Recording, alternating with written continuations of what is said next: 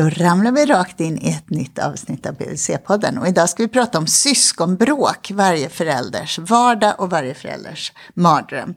Jag heter Malin Bergström, jag är barnhälsovårdspsykolog och med mig har jag Lotta Lindfors, jag är barnsjuksköterska och vårdutvecklare. Och Klara Lindros, också barnhälsovårdspsykolog. Syskonbråk är väldigt vanligt och ändå så tänker väl vi alla tre, bara utgår jag ifrån, att det är, syskon är också någon slags gåva eller någon slags rikedom för barn också, eller Lotta? Absolut, absolut. Jag tänker att, eh, nej men jag tänker att det är ju något av det finaste man kan ha i livet. Men naturligtvis så, det finns ju många barn som växer upp utan syskon. Och som kan få den möjligheten att mäta sin kraft gentemot andra. Är mäta sin kraft, är det något som är essentiellt i en syskonrelation? Ja, det tänker jag. Jag tänker att eh, eh, för mig är det att eh, man kan vara, som syskon så har man alltid varann, man behöver, man finns där även om man blir osams och det blir man ju, yngre barn blir ju osams många gånger om dagen. Till och med många gånger i timmen. Men, vilket är ganska tröttsamt. Men jag tänker att man ändå finns där. Man går inte hem. Och alla, alla bråk behöver inte alltid liksom lösas. Utan vissa saker kan bara få rinna ut i sanden. Och det är det som är skillnaden med syskon jämfört med kompisar och så vidare. Just det, man har en nystart varje dag liksom. Ja. Utan att, för att den bara finns där, det här syskonet. så man går vidare. Och som förälder kan man ju bli lite eh, förvånad när man upptäcker det här hur lätt de tar på sina bråk, eller vad man ska säga. Mm. Där man som förälder inte alltid tar så lätt på dem. Nej. Men man märker, om, man, om man tittar på dem att, ja ja, men de släppte visst det där och gick vidare och nu var det något annat som hände. Alltså den här frågan kanske inte går att svara på men jag ställer den ändå. Att, vad är det som driver barn att bråka så oerhört mycket? Så, alltså att man bråkar om en hissknapp eller att man liksom sätter sig bredvid någon ja. och petar sig i soffan. Mm. Fast det finns liksom en soffa till och ett ja. golv att vara på. Vad är det där liksom? Men lite är Lotta som att mäta sina krafter. För man brukar ju säga att det här med syskonbråk, att det finns ju någonting... Men med att ha syskon och hålla på med sig bråk på någon slags liten tjafsnivå och ingenting som går överstyr. Om vi håller oss där, så att det är någonting som eh, ger barn möjlighet att just träna sig socialt och liksom komma sådär nära någon annan och ja, känslomässigt liksom lära sig hur det fungerar i olika situationer. Som kan vara... Någonting som, som ger utveckling. Sen vet jag inte om barn bråkar för att de ska känslomässigt utveckla sig. Eh, utan att det är mer... Alltså jag brukar tänka så, Klara. Jag brukar tänka att barndomen är en läroperiod och att learning by doing, det vill säga att träna sig både på att reglera sina känslor, så att, eller sina impulser och att träna sig på socialt samspel och känslomässigt samspel träna sig på att säga förlåt, att reda upp grejer som man har mm. råkat ställa till och så. Mm. Det tycker jag är det sätt man har att lära sig att bli en människa bland andra människor. Och det tycker jag, där är syskon som en otroligt bra Ja, och med, ja. med vuxenstöd runt omkring när det behövs, liksom i alla ja. de där stationerna som du sa. För att hjälpa en att kanske reglera sig och hjälp, liksom lugna sig. Hjälpa en att se vad det var som hände och ta en andras perspektiv eller ha sitt eget perspektiv. Men jag bara menar, det är roligt, vi kan ju som vuxna titta på det utifrån, att det är det här som är vad det ger och det, det, det så här det ser ut barndomen. Men barn sitter ju inte och, nej, jag ska bråka lite nu så jag känslomässigt utvecklas. Utan vad är det som driver dem liksom, i det här att mäta sig, att tävla ja, otroligt tävla, mycket. Om uppmärksamhet kanske. Men jag tänker det som skiljer syskonbråk mot bråk med kompisar, det är ju också syskonbråk är mycket mer fysiskt. Alltså, behöver inte vara grabbatag och att man riktigt slår. Men man pillar, man puffar, man juffar liksom hela tiden. Så är man mm, där mm, på ett helt annat sätt än vad man är med sina kompisar. Och egentligen så kanske man är så om man tittar på en ett och ett halvt tvååring. De är ju ganska fysiska sådär på varandra och det kan man på samma sätt kan man ju se äldre syskon hålla på.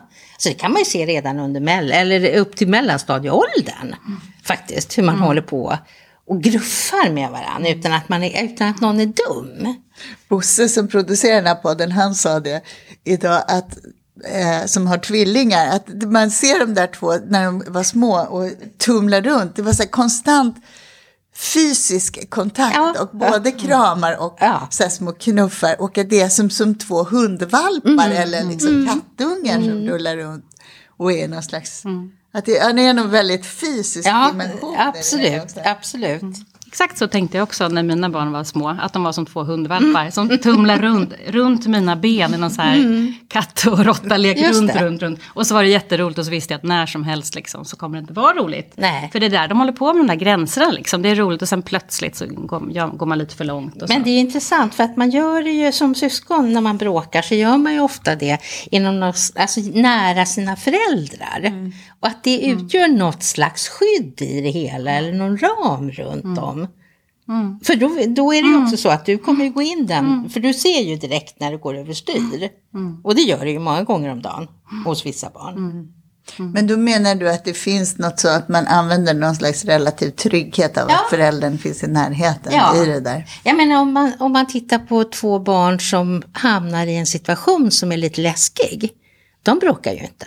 Nej. Är du utomlands med barn eller om du på något sätt ska gå över en stor gata eller någonting. Då bör man ju inte bråka om man inte är trygg. Utan då håller man ju koll på varandra.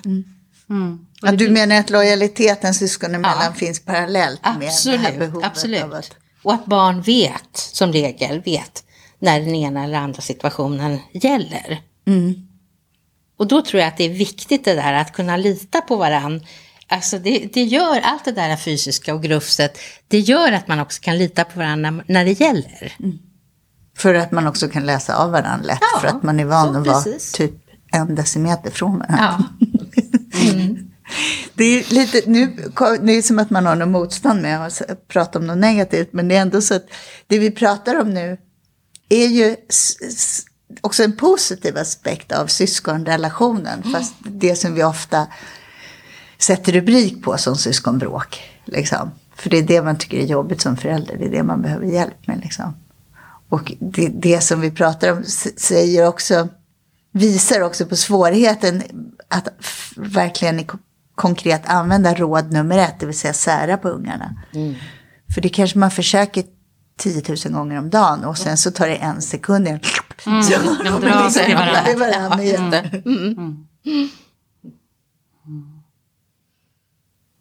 Jag tänker på alla saker man ska träna sig. Någonting som man pratar mycket om med syskonbråk är rättvisa och avundsjuka. Att man vill ha varandra saker och att man, det ska vara rättvist och man ska göra samma och så. Och det är väl verkligen något, jag menar, det behöver man ju tränas på jättemycket för livet eftersom livet innehåller rätt mycket orättvisor av eh, mer eller mindre stora mått. Och, det- att få testa den grejen liksom och hålla på, för det är väl det som ofta får igång barn, syskon. Att det är någonting som var lite, lite, lite orättvist liksom. Att man tryckte på hissknappen. Ja, Eller någon tryckte och, och hon tryckte faktiskt igår också, så nu hade inte du koll liksom mamma, för det var ju min tur. och Ja, så. just det. Och då betyder det att det handlar om någon dimension av makt och att få plats i världen som man behöver värna väldigt starkt som liten. Liksom. Mm. Och, som får, och där, där jag tänker att man som förälder, man går ju ofta in och försöker att göra det så rättvist som möjligt, men att man också behöver just bara hjälpa dem med det. Ja, men det är jobbigt, det vart orättvist. Ja, då känns det lite i magen när någon fick något som du inte fick.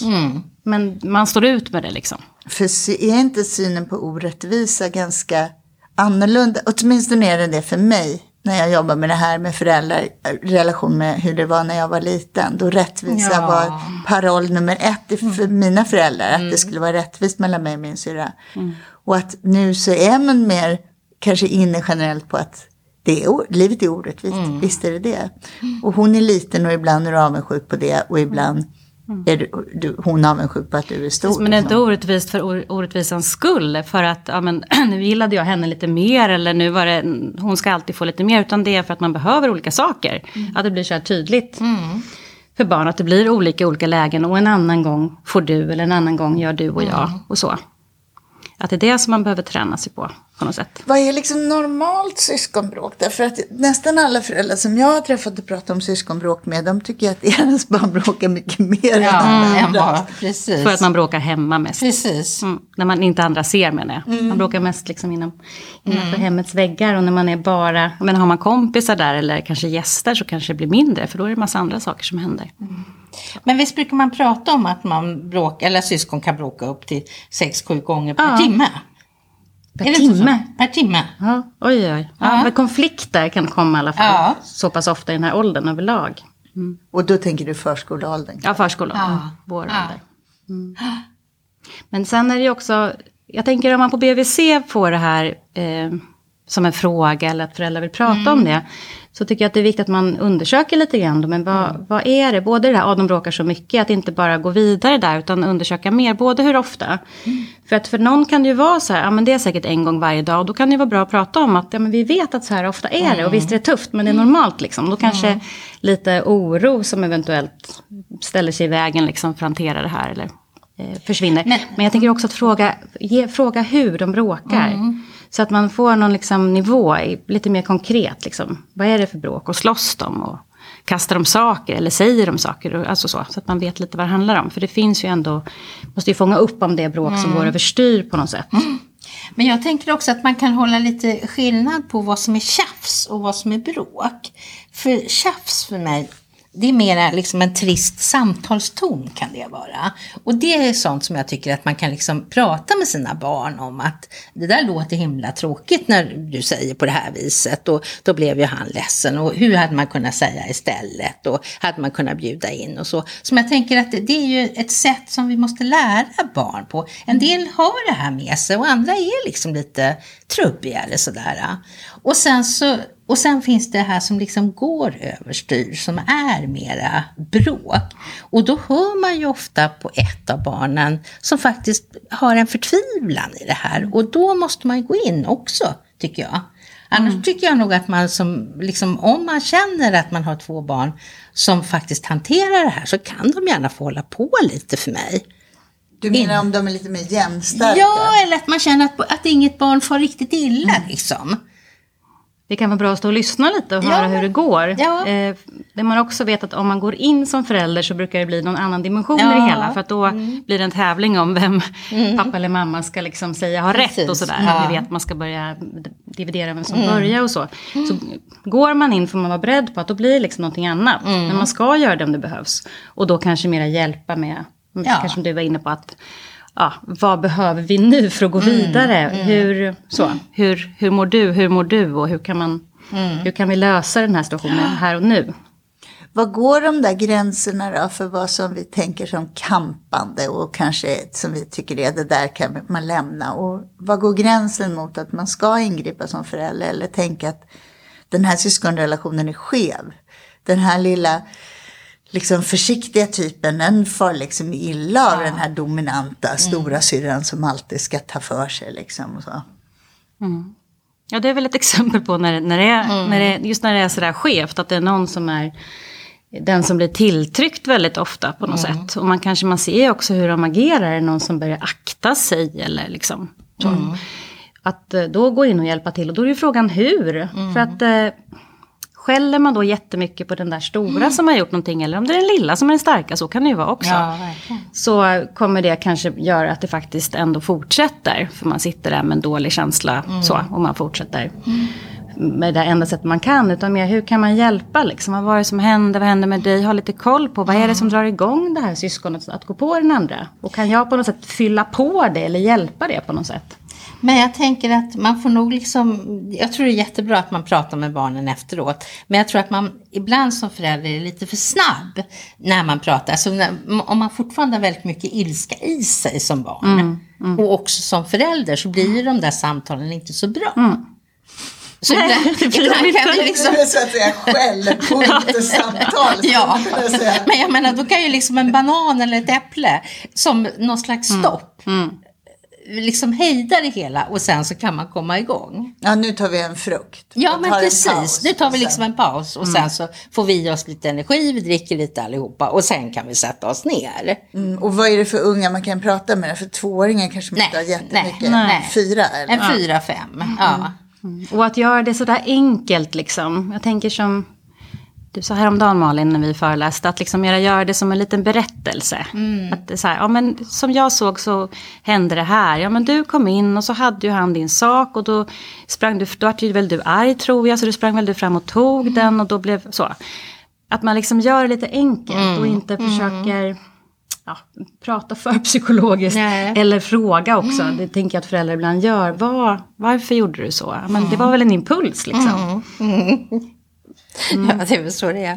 Så, och, och skälla efteråt då? För det kanske är spontant det första som kommer för en snarare än att börja psykologisera eller berätta små Så vi, berättelser. vet ju, det, vi vet ju att skäll faktiskt har extremt lite effekt, typ ingen effekt på att om man vill vända ett beteende som har hamnat i att vara mycket negativt så är det ju inte skäll och negativ uppmärksamhet utan tvärtom att försöka vända kanske det som är positivt. Man kan också lyfta, alltså det här att man liksom förebygger genom att verkligen tänka till att varje gång man ser att det där syskonet gör någonting som är bra eller fint eller åtminstone kanske stoppar sig från att slå om det var på gång att göra det så uppmärksammar man det istället. Fem gånger mer kärlek vid syskonbråk. Ja, precis. Men jag tänker en sån här jättevardaglig situation. Det är att man kommer hem från förskolan, alla är hungriga, man behöver laga mat och barnen går igång. Och då är det ju jättesvårt att vara superpedagogisk. Man känner att det enda som behövs det är ju liksom att de där fiskbullarna blir klara på något sätt så alla får äta. Och det tar ju ändå bara tio sekunder. Ja, precis. Ja. Men då tänker jag så här, ja men då kanske man ändå får hoppa in med någon liten stödmacka eller man får hoppa in med någonting. Eller tv-tittande eller telefon eller någonting som bara liksom coolar ner det så här, tjopp. För man vet att liksom snart, bara alla får i sig energi och man får sitta ner i lugn och ro så kommer det här att hejda sig. Du säger tv, jag säger så här, ta med äta barnen i matlagningen. Ja, så här. Ja, för du är inte så mycket för media och så. Precis, där satt jag som en liten Nej men det är... Precis. Ta Ja. med någon om det funkar. Ja. Se till, ställ Eller ge en morot Ja, eller något ta sånt de där. Eller ta med, ja. Ta de där fem minuterna för att liksom göra något slags förebyggande helt enkelt. Ja. När man vet, och man vet ju ofta om det är mycket bråk så ska man väl börja också med att titta på vilka situationer är det som det oftast händer och hur brukar det uppstå. För det är ju bara man själv som vuxen som har den där smarta hjärnan faktiskt här och kan göra den typen av analyser. Och liksom stå för det. Och det är det jag menar också med att gå in och liksom hjälpa barn, inte bara just prata igenom situationen utan lite mera ja, men, lösning och här och nu. Man själv får stå för den här avancerade analysen och hålla den liksom i sitt huvud och sen diskutera den med sin partner om man har en. Men vara lite mer konkret och här och nu med barnen. Och kanske ibland snarare göra än att säga. Och inte heller liksom tänka att de... Jag menar man måste ju få vara arg på varandra. Som jag har sagt att det är någonting eh, positivt med det och det är det man behöver under hela de här första åren. Liksom. Eh, få träna sig på alla jättestarka känslor som far åt olika håll och få hjälp med dem. Men inte göra vissa saker. Men jag tänker att ibland så har man ju det här, någon har slagit någon. Säg att en ett tvååring har slagit någon och är förbannad. Ibland har man ju den situationen. Och då så har man kanske en förälder som säger, nej du får klappa fint. Och det tycker jag är så himla sjukt. För jag tänker att, ja men om jag har, har skällt på min sambo och sen, och så kanske han påtalar att nu sa du något taskigt. Ja, men då kanske jag får omformulera mig. Okej, det var taskigt men jag är ändå arg. Men inte vill jag gå och klappa fint liksom, Nej. om jag är arg. Nej. Det blir en sån kränkning, det blir så fel. Och jag tänker barn som ändå gör det, då har de... Ja, då har det nog blivit rätt insnärjt inuti dem. Då har de ju ingen liksom, riktigt koll på läget och föräldrarna har inte liksom fångat upp och kanske bekräftat känslan. Så att man gör, man bekräftar känslan och att man kan vara skitarg på varandra. Och det får man vara, man måste inte vara gulligull med sitt syskon. Men stopp för vissa saker. Liksom. Så att kramas eller att klappa fint, det, det ska man lägga ner. Det ska man väl göra när man vill. när man, liksom är, när man är sugen. Ja. När, man, när man gillar varandra och så. Men det som kan hända, eh, det som jag tycker är svårt, det är ju faktiskt att vi som vuxna kan dras in i den där konflikten på något sätt. Och plö- Har du aldrig varit med om? Nej, men det kan vara jättesvårt att hantera. När man faktiskt tycker olika och den ena parten säger "Ja, men låt dem hållas och den andra säger nej, det här är inte okej, det här är inte schysst det här bråket. Det tycker jag, det, kan vara, det har jag ju haft många föräldrar på BVC som har sagt att, att det är ju så konstigt liksom för att det börjar ju med barnens språk. Och sen plötsligt så är det vi som står och skäller och barnen är jättesams igen. Och då kan man ju fundera på vad, vad var det där för någonting egentligen? Eh, alltså var det faktiskt så att barnen kanaliserar någonting, en spänning som finns mellan föräldrarna från början? Eller att man smittas och Eller att man- tar över grejer. liksom. Ja, Och oavsett vad det är så är det ju viktigt att man liksom snackar ihop sig lite grann i- vid ett annat tillfälle. Ja. Ungefär, var man står och vad man tycker och Ja. så. Och inte går igång där. Visst är det ändå okej om jag lever med någon som är väldigt mycket mindre för att gå in än vad jag är och så. Visst är det okej att vi gör olika för barnen? Absolut. Eller behöver man hitta en enad front? Liksom? Nej, det tycker inte jag. Fast man måste på något sätt veta, man måste ha kommit överens om att det är okej. För att, för att kunna respektera den andra Ja. sätt och inte som du beskrev att, man, att det blir ett eget bråk. Nej, och kanske där och då inför barnen och man liksom blir oense och det blir ganska rörigt. Nej, Men vissa grundläggande saker tänker jag att, man, att det är väldigt skönt om man har eh, gemensamma regler kring. Så, så att det inte blir helt olika hela tiden med vad det nu kan vara. Liksom, ja, rutiner som man har när man äter. Får man äta framför tvn eller inte? Och det blir Ja, det, jätteolika. sånt. liksom. Ja. Men, men annars att man har lite olika sätt och hur man går in eller inte och på vilket sätt man pratar. Där tror jag att man behöver som förälder stå ut med. Det, är, alltså så, det kan ju vara att man själv behöver stå ut med att den andra inte gör som man själv tyckte skulle vara det bästa sättet. För det kanske är det bästa sättet för mig, det kommer naturligt för mig. Men försöker, någon annan, försöker man pådyvla någonting på någon annan så kommer det inte bli det. Liksom. Nej. Det där låter ju extremt likt hur det är mellan syskon. Att de försöker pådyvla varandra Ja, olika ja. sätt. Det vill säga du är tyst och låter mig trycka på knapparna. Så, Ja, jag vill bestämma. Visst är det så också att man vet vi- liksom från forskningen att om du och jag bråkar jättemycket Lotta om vi är föräldrar ihop så kommer det, det kommer smitta av sig på barnen. Ja. Då kommer vi få en högre bråkton och vi kommer få Absolut. gnälligare ungar. Ja. Och så. Så, att det- anger management hos mig som förälder själv och i relationen det är en nyckel till. Så att om man tycker att det är jättemycket bråk så är det en sak också att fundera på. Hur ser det ut just nu? Har vi kommit in i någon liksom, lite negativ spiral där vi faktiskt har en, ja men apropå det här med tjafs och tråkig ton. Det kanske är en tråkig ton överlag just nu. Precis, det kan man ju finns. hamna Ja, i liksom. absolut. Det kanske är saker som har legat och, och grott och vi kanske är stressade och så. Och att kunna fundera på det. Hur pratar vi allihopa med varandra här istället för att, alltså, så att man inte både, man har en tråkig ton och sen försöker man lära barnen att de ska ha så himla fin ton Ja, med varandra. det, Det, blir jättekonstigt. Så sånt tänker jag är viktigt apropå BVC, liksom, att om det lyfts sådana här saker, att man, att man kan fråga om det lite grann. Ja. Hur är det överlag just nu? Det behöver ju inte vara det, jag menar alla bråkar ju och så, men hur ser det ut ungefär hos er? Eller om det är så att det är eh, lite för stressigt liksom. Att, bara, att man inte hinner, man behöver kanske lite mer tid med sina föräldrar. Ehm, Du menar, nu pratar du Klara om sånt som kan ligga bakom Ba. Alltså, precis, kan om man tänker att det blir mycket bråk. Liksom. Om vi lämnar det här att ja, men barn håller på lite så här. Om man tycker att det är för mycket, att man, man ska fundera på vad det beror på. Om det där, jag menar, det är ju, kan ju vara ett sätt att få uppmärksamhet eller ha någon slags irritation i sig som man inte får hjälp med. Eh, att man inte får hjälp av föräldrar genom att lugnas, regleras, vara nära en stund eller göra något positivt och så. Kommer ut. Uppmärksamhet som du sa, det känns väl som en klassiker vid syskonbråk. Ja. Det är jättelätt att nipa en liten, en litet småsyskon som sitter bredvid för att någon ska vända sig om och se en. Absolut. Om man uppmärksammar det då, då har ju det funkat. Men man kan ju inte ignorera det. Nej. Nej, då får man väl tänka efter sig. Okej, går det att, att ge den här lilla personen uppmärksamhet nu då? Ändå på ett, fast på ett annat sätt. Man kan ju vara lite smart och liksom låtsas att det var något annat som man, man kanske låtsas som att man inte såg det där, men man låtsas att man kom på att Ja, nu skulle vi nog precis. göra något. Ja. Det tänker jag kan vara smart ibland att låtsas att man inte ser allting. Det, Jag vet inte mer, men jag låtsas väldigt mycket. Överlevnadsmekanism. Vad Jag tänker på en grej som man ofta gör när det blir väldigt bråkigt i familjen. Det är att man delar på sig. Ja. Så här, du tar den dit och jag tar den dit om man är två föräldrar. Det där tycker jag många föräldrar säger att de att de ogillar, det ska man känna så här, ja, vi skulle inte behöva det här. Nej. Alltså den lilla tiden vi har som familj, den borde vi faktiskt klara och tillbringa tillsammans. Och man är rädd att sätta mönster, att liksom, vi kommer aldrig bli en riktig familj för att vi alltid ska hålla på och dela på oss. Vad, vad tänker ni om det? Men jag känner igen precis det där att man, att man är väldigt ovillig. För det har jag gett som råd tusen gånger liksom, som en bra start att testa. Och säga att inte bara för att de här som bråkar inte ska vara nära varandra och det faktiskt inte kan bli bråk. Utan också bara för att fylla på då. Ja. Eh, relationen. En- Ett barn och en förälder har ju mycket lättare att ha det mysigt ihop helt enkelt.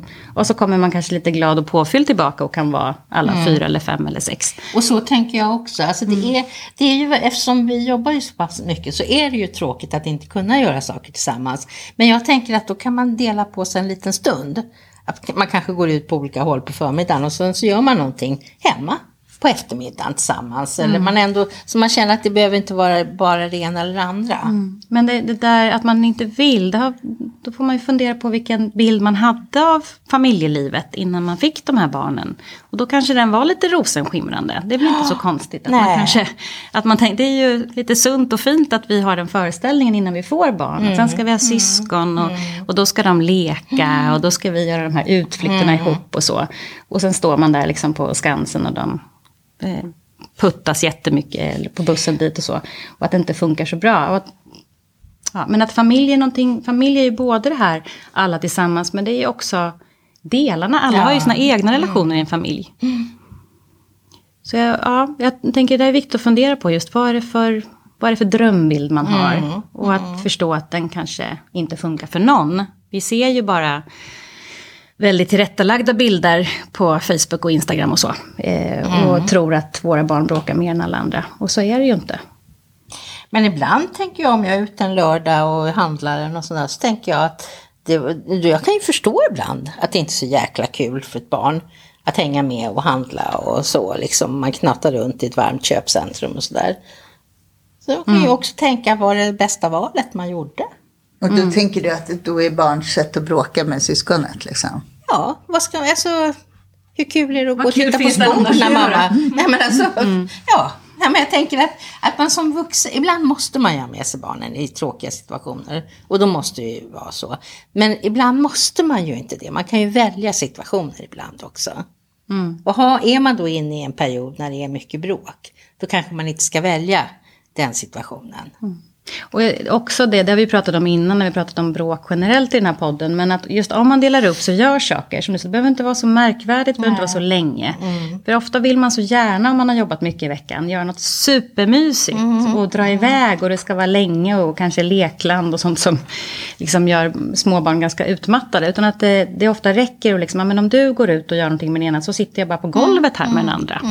Och styr inte upp någonting utan har som en lekstund, en följarstund. Gör enkla saker på något sätt. Jag tänker på det där som du sa Klara, att man har ideal kring saker som förälder.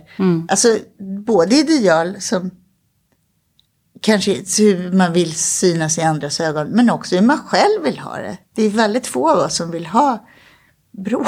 liksom. Verkligen. Så det, och, och att de där idealen kanske inte alltid passar med de unga man råkade bli förälder till, åtminstone inte i perioder och så. Och så, så har man alltid någon, man känner alltid någon vars, som hade något syskon som de var jättetajta med och lekte jättebra med och var bästisar. Och så tänkte man att det skulle bli så. Men det tar väl vi kanske alla erfarenhet av, hur man kan vara som hundkast som syskon och sen blir det bra. Det tycker jag är miraklet i syskonrelationer. Hur tajta människor blir som har bråkat svinmycket och tyckt att de var jätte olika. Ja, precis, och det här långa perspektivet som man ju ofta inte har som småbarnsförälder. För man är ju väldigt mycket här och nu. Och det behöver man ju vara, barnen absolut, ändrar sig hela tiden. absolut. Och så. Men att eh, det kan ju ändå finnas en oro just för att ja, men, åh, de, kommer de bråka så här jämt? Ja, men det kommer man ju kommer inte aldrig. när man, blir, när man blir större och vuxen. Då kanske man får en jättefin relation. Mm. Jag har ju verkligen slagits med mina syskon och bråkat. Mm. Och sen har vi blivit jättetajta. Fast alla, sto- alla vuxna syskon är ju inte det. Nej, så är det ju också. Mm. För att man kan vara väldigt olika också, bara fast man råkar födas in i samma familj. Precis, det är olika där om man inte är jättetajta som, som vuxna. Vilket man förstås som förälder önskar med att ens syskon ska finnas där för varandra på något sätt. Mm. Ja, när det är vått och torrt. Men det kan ju bli rätt bra ändå. Bara man, alltså så. Men man vill ju att, inte att de ska ha en sån dålig relation som, som en del förstås har också. Eh, och jag tänker om vi kommer in på det här med liksom skadligt bråk som vi benämnde lite, innan. Att verkligen faktiskt ta det på allvar. Om det är så att det är en otrolig obalans. Och det kan ju vara ett syskon som mår dåligt och tar ut det på den andra. Eller ja, det kan ju vara massa saker. Och att ta tag i det och, och kanske söka hjälp också. Om det behövs. Om man inte får till det där på egen hand. Så Och när tycker, du, när tycker du liksom att man ska lyssna på sina signaler om att söka hjälp? Ja, tycker att när man märker att, som sagt, att det är en obalans, att någon är på den ena jättemycket och att den faktiskt, ja, eller de är på varandra jättemycket på ett sådär, man, de, man känner liksom att det är det blir, det blir riktiga elakheter, man riktigt sårar varandra, mm. riktigt slår varandra.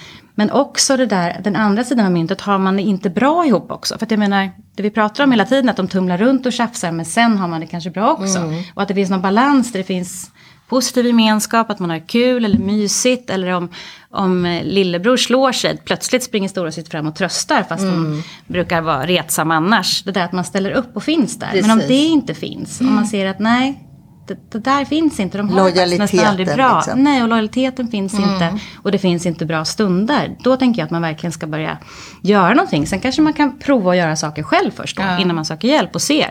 Okej, vad beror det här på? Jag sätter mig och funderar. Jag sätter mig med den andra föräldern och funderar. Vad sjutton är det? Är det en som mår dåligt eller, och tar ut det här? Eller är det, hur har vi det i familjen? Och att man försöker vända på den här steken. Och om man inte klarar det själv, på liksom, vad ska man säga, några veckor mm. eller så, man verkligen satsar på det. Mm. Då tycker jag att man ska söka hjälp. Och var ska man söka någonstans då? Det beror väl lite grann på hur det ser ut. Mm. Där jag tänker att det här är en podd sänds över hela landet. Vi ja. sitter ju i Stockholm. Ja, men om vi säger Stockholm då, vad finns det här? Det finns väl ganska många olika ställen egentligen. Men vi har första linjens barnpsykologer här mm. som sitter på vissa vårdcentraler. På barn och ungdomsläkarmottagningar. Mm. Eh, som kan vara ett stöd och kanske framförallt till föräldrar. Och sen har vi ju BUP som finns också. Och man kan alltid ringa och konsultera. Men nu tänkte ni att i första hand vad söker man stöd som sjuksköterska? Man tänker att föräldrar ska vidare stöd. För föräldrar mm. tänker jag att BVC är väl egentligen mm. ett perfekt ett ställe att, ja. prata om. Mm. Mm. Alltså, är det här syskonbråk som jag mm. tycker är okej okay, eller är det syskonbråk som jag tycker att Precis. Det känns inte bra i magen. Nej, och då vet vi att sjuksköterskor i Stockholm har det lite olika där de sitter. Mm. Alltså en del sitter kanske på familjecentral eller på något mm. ställe där det, där det finns att socialtjänst kanske har föräldrarådgivning nära sig och så. Så det men jag tänker också att man behöver inte, alltså det är ganska många, eftersom syskonbråk är ju någonting som väldigt många människor har erfarenhet av, både personligt och kanske yrkesmässigt. Så jag tänker att man behöver inte kanske gå så långt heller, utan man kan ju prata med de personer som man har förtroende för till att börja med. Det kan ju mm. vara någon på förskolan, det kan vara BVC och det finns ju de här Komet och det finns ABC och det finns ju olika delar mm. som stadsdelarna har. Och sen så finns första linjen och BUP. Mm. Mm. Och det där kan ju vara olika vad man känner att man liksom har en relation till eller mm. Men att börja på BVC som du säger Malin, mm. och också då försöka analysera lite grann tillsammans vad man kan tänka att det här beror på, att om det har dragit iväg så långt. Eh, för att utifrån det få reda på mer. Är det så att ja, det beror nog på att vi bråkar jättemycket. Mm. Eh, vi föräldrar faktiskt, vi, vi skriker också på varandra och ganska taskiga. Så då kan man ju förstå att det har smittat. Då är det ju mm. vi som behöver något stöd ja. för att vända det. Då är det ju mera liksom, parrådgivning, föräldrarådgivning. Men är det så att ja, men det är ett barn som verkar ha egna svårigheter av något slag och jättesvårt med impulskontroll och sådär. Hur ska vi hantera vi? Antingen kanske vi behöver mer stöd där också som förälder eller så kanske man behöver stöd tillsammans med barnet. Mm. Alltså det finns ju så många varianter. Mm. Men det kan BVC hjälpa en kanske lite grann och råda i vad man kan. Precis, ja. att BVC är den här basen och där man tillsammans kan fundera på och mm. liksom bena upp det här. Precis. Och att man på BVC behöver fråga då, som jag sa, mer konkret när och hur och, och vad tror du om varför, om det går att veta mm. och hur ser det ut liksom annars hemma. Men det du sa om att be om stöd, det är samma som vi pratade om kring när man får syskon. Mm. Att man inte, att inte vara rädd för det. Nej. Så att man inte ja, kanske är rädd att tappa sin fasad eller sådär. Mm. Utan förstå att det här är ju de allra flesta med om någon gång i livet. Mm. Antingen har man varit det som barn eller på annat sätt. Och att det kan hända om avlastning för att få till de där goda ja, stunderna med absolut. ett barn om det himla körigt i vardagen. Att man verkligen, mm. nu måste jag satsa på det här barnet som verkar ja, vi tror att den går igång och ger sig på det här syskonet för att han har fått för lite uppmärksamhet. Eller mm. nu har det varit så svårt på förskolan också så har inte vi haft så mycket tid hemma. Men som be om hjälp, tänker jag. Det där var ett ganska konkret förslag vad man kan göra som förälder, Klara. Att man satsar lite extra på den som verkar lite mm. ilsken och, och mm. busig för att få, eller bråkig för att få att den ska känna sig sedd. Eh, har ni några andra sådana här konkreta tips som ni vill skicka med? Nej, men jag tänker att försöka bjuda in syskonen i varandra. Alltså i, på något sätt att, att eh, nej, men göra, göra det andra barnet delaktig, tänker jag. Den som är lite bråkig. Alltså, och där kan ju alternera. Det kan ju periodvis vara storebror och periodvis vara lilla syster och sådär. Men att den som håller på och bråkar, att den får bjudas in och, känna, och ta lite ansvar för att nu ska vi äta frukt och nu kan väl du skära bananerna så att alla får och sådär. Alltså att, att man liksom är en del av familjen. Och det du pratar om där också tänker jag, det är positiv förväntan. Ja, och vi vet ja, att så fort precis. Mm. några barn börjar bråka mycket så får man som förälder en negativ förväntan som, väldigt, som barn märker och förstår. Och som tyvärr blir liksom en självuppfyllande profetia. Så att, att, att liksom tro på barnen och visa det. Att man har positiv förväntan och vi tänker att det här kommer bli bra och så. Ja, och att du är en del av familjen och det här liksom får du bara göra på något sätt. Har ni något Mm. mer som ni vill skicka med? Jag tänkte på en sak innan när vi pratade om kanske bråk på en mer vardaglig eh, nivå. Att, eh, det, att göra saker var och en för sig med varsitt barn kanske. Men också att se när kan det funka bra för de här barnen att vara ihop. Finns det några sådana stunder när de faktiskt har det lite mysigt? För oss var det simhallen. Och så, Okej, men vi åker väl till simhallen då. Fast jag alltid fryser jättemycket. För att då plötsligt så är de kompisar. Och liksom så att de får ladda på. Och är det något annat som funkar? Utomhus brukar ju vara bra mot syskonbråk. När det finns mer plats och blir mindre trångt. Liksom. Ja, precis. Och Och liksom, ibland kan ju läggningen vara en sån stund också. När det faktiskt är lugnt och man kan liksom, barnen kan ligga nära varann och lyssna på en saga. Och även om då kanske det får vara två olika sagor, men att barnen får vara med och vara nära varann just då, tänker jag. För det skapar också mycket, liksom, det, det skapar, eller jag tror att det skapar någon slags gemensamhet. Och man, är- det är liksom en ganska ömtålig situation när båda är trötta. Och, ja, men, ni vet, det är lite mys. Mm. Och det handlar om att våga satsa på de där situationerna. För att Ja. man skiljer åt och man delar upp och håller på. Så måste man våga prova och våga satsa och få ihop och ha positiv förväntan ändå. Och det är inte alltid så lätt. Nej. Nej. och det kan ju gå åt skogen med den här läggningen. Ja, fick man dela på dem, så fick man prova något annat. Absolut. Liksom. Så. Absolut. Men att man Ja. testar de där Men våga satsa på det gemensamma. också. Tack för idag. Tack. Nu ramlar vi ut i den här Ja. podden. Tack.